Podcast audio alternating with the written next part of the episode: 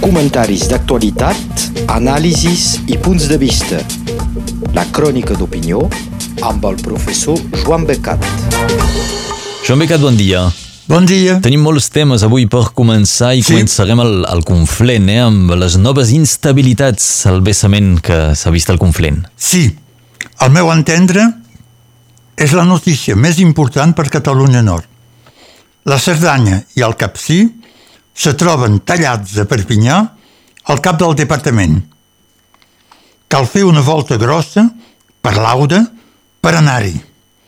Perjudica també greument el Conflent. És un escàndol. I ara, de veritat, n'hi ha prou. A tot arreu, a França com a Catalunya, se saben fer carreteres segures i com cal. Si cal fer obres, s'han de fer. En lloc de posar un esparadrap per aquí i un altre esparadrap per allà. D'una vegada per totes, cal programar les obres necessàries de cap a cap de la 116.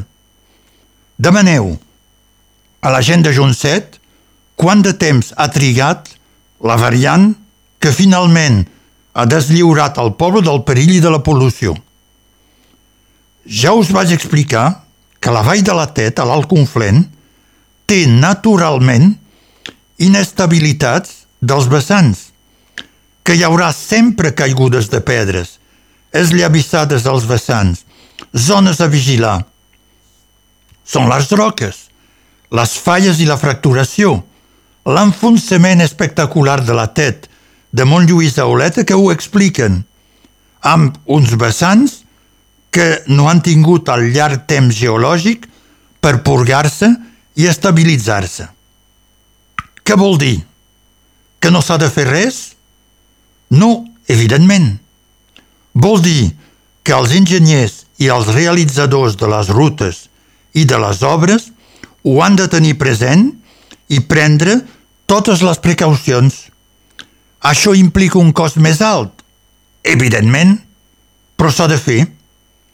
Que no s'han fet als Alps i cada vegada que hi ha riscos naturals, doncs per què no es fa el conflent? Hi ha sempre solucions tècniques. Doncs per què no se fan aquí? El que ha passat entre Fontpedrus i Fetge és emblemàtic. Els articles de començament de setmana presentaven fotografies espectaculars que segurament heu vist. Aixecament, fissuració de la ruta, aigua infiltrada, terrenys que se movien i l'anunci que n'hi ha per setmanes i mesos.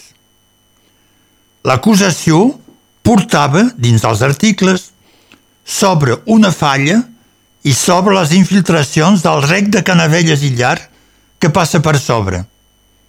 És clar que hi ha falla. Tota la vall de la Tet en té i les ha aprofitades al riu per excavar la seva, excavar la seva vall. Però això no vol dir que les falles són responsables del problema. Calia preveure l'evacuació de l'aigua del vessant i evitar que sigui el substrat de la ruta qui faci d'esponja. Per tant, és feina mal feta i al barat. Però el més interessant és un article un comunicat del Batlle de Canavelles que veieu us ha escapat perquè era a la pàgina 21 de l'Independent de dissabte passat, 8 de febrer. Si podeu, mireu-lo. És interessant i clar. A l'acusació que la culpa és de l'aigua del rec de Canavelles, el batlle diu que aquest rec és tancat d'octubre a abril. Per tant, feia tres mesos que no tenia aigua. I a més, el rec era ple de neu. Per tant, és ben bé l'aigua del vessant i el dolent drenatge de la ruta que són en causa. Doncs, els que van fer la ruta nova fa uns anys són els culpables. A més, quan se va eixamplar la ruta, van deixar els tontos al mig la paret de contenció que mantenia l'antiga ruta vers la vall.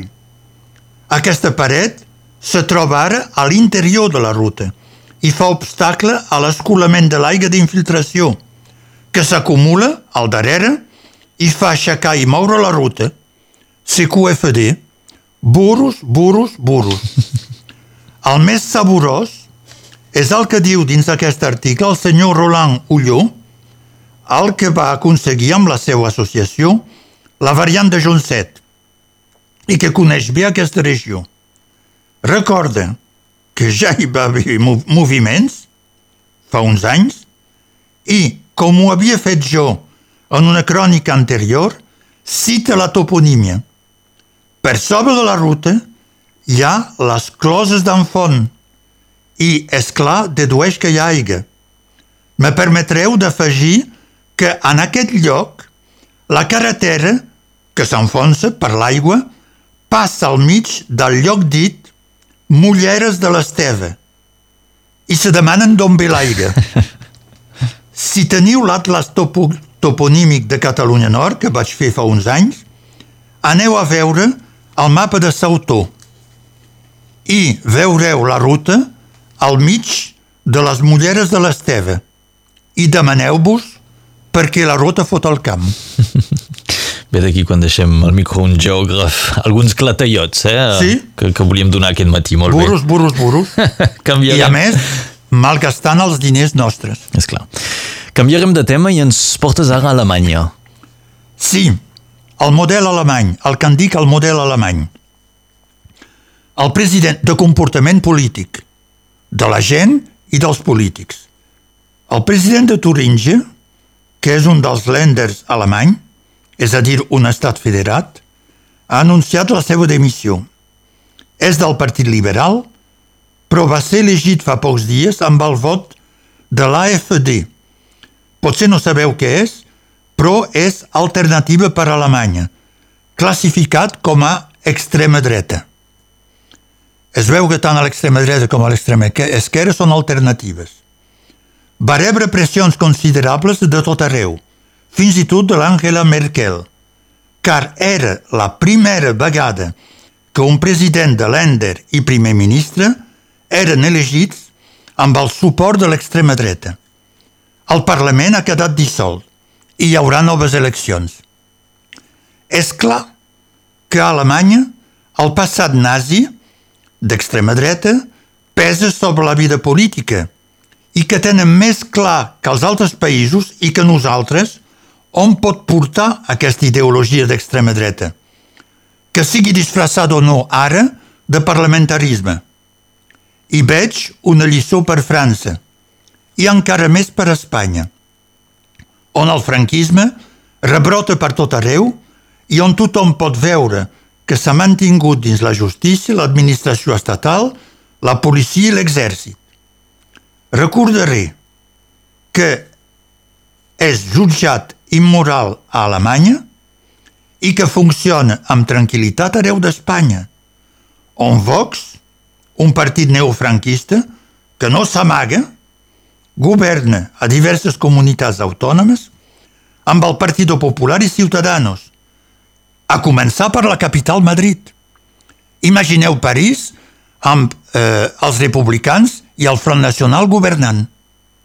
És això que passa a Espanya ni tan sols no és vergonyós pactar amb l'extrema dreta, sinó que Vox és festejat ara pels partits de dreta en la perspectiva d'eventual noves eleccions per formar el govern de l'Estat.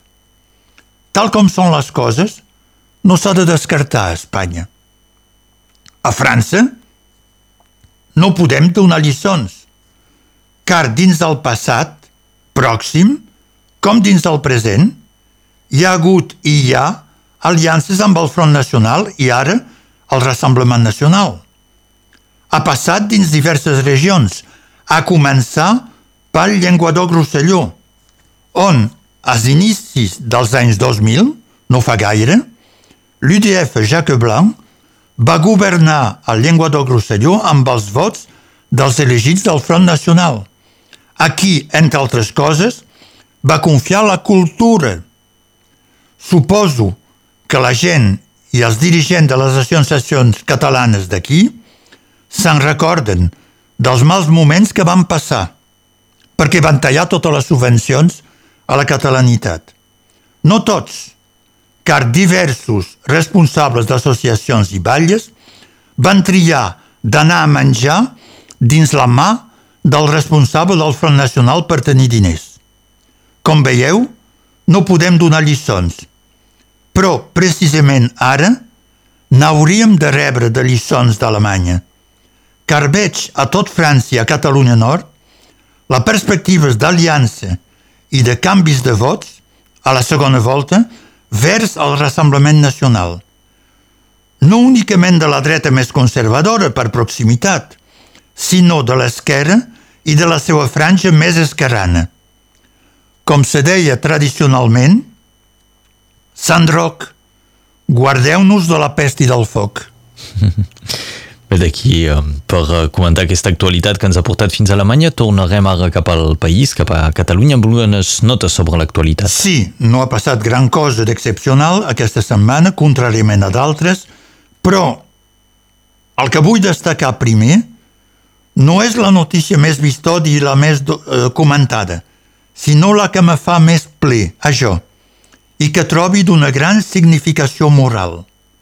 És la visita divendres d'una vintena de batlles i d'elegits de Catalunya Nord, Jean-Paul Villès, Claudi Ferrer, Jean-Marc Pujol, Francesc Calvet, d'altres, que van fer el president Joaquim Tora al Palau de la Generalitat per portar-li el suport i dir a quin punt són escandalitzats de veure que un organisme administratiu pugui treure un mandat de diputat elegit pels ciutadans i això per motiu tan anecdòtics que semblaria un acudit si la cosa no fos real i tan seriosa.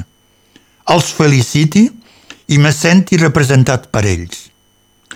També hi va haver la setmana passada la trobada entre Pedro Sánchez i Quim Tora, de la qual hem parlat.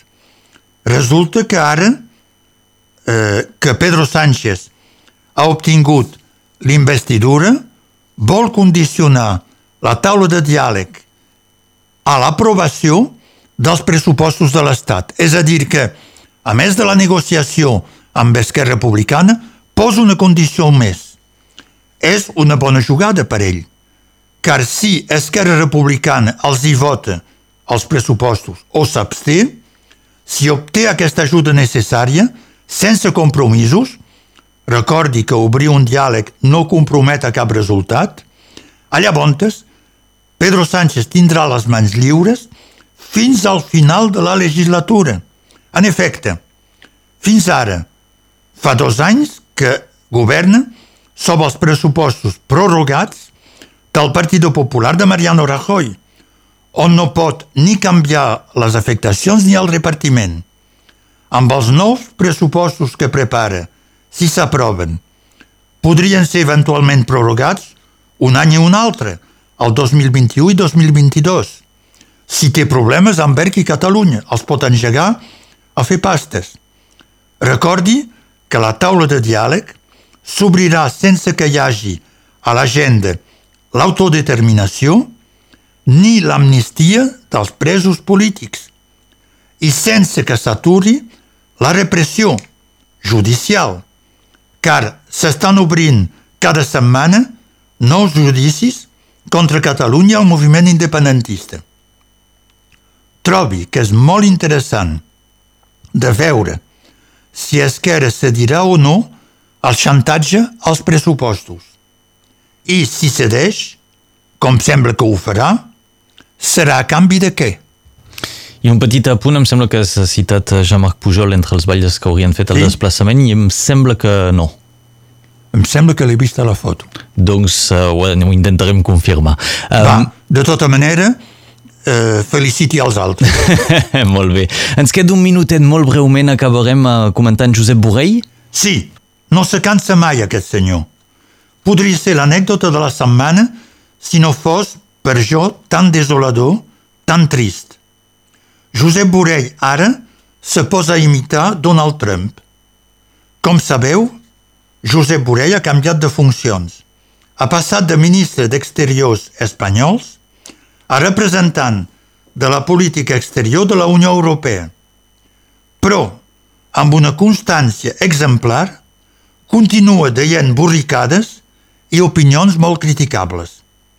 Se'l sabia antiindependentista, és ell que volia curar de la manera directa i forta l'independentisme, per certs aspectes és anticatalà, però ara és també antijoves i antiecologistes.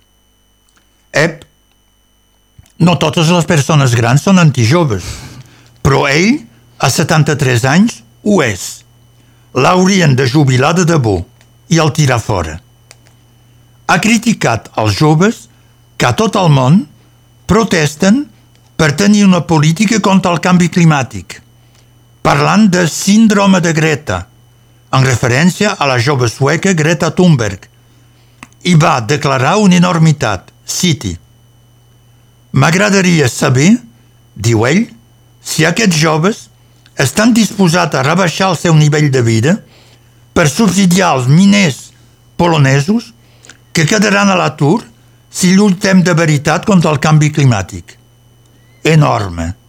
Evidentment, indignació, polèmica i condemnació. L'eurodiputat Carles Puigdemont ha dipositat una pregunta demanant què era aquesta síndrome de Greta Thunberg i Josep Borrell s'hi parlava en nom de la Comissió Europea. I efectivament, la reacció no ha trigat. La comissió s'ha desolidaritzat del seu representant declarant, citació, l'executiu europeu dona suport a les aspiracions dels joves per combatre el canvi climàtic. Només faltaria. No crec que això calmi el senyor Borell. Esperem tots, amb impaciència, la seva pròxima borricada. Jo Becat, moltes gràcies d'haver estat amb nosaltres una setmana més. Bon dia a totes i a tots. Comentaris d'actualitat, anàlisis i punts de vista. La crònica d'opinió amb el professor Joan Becat.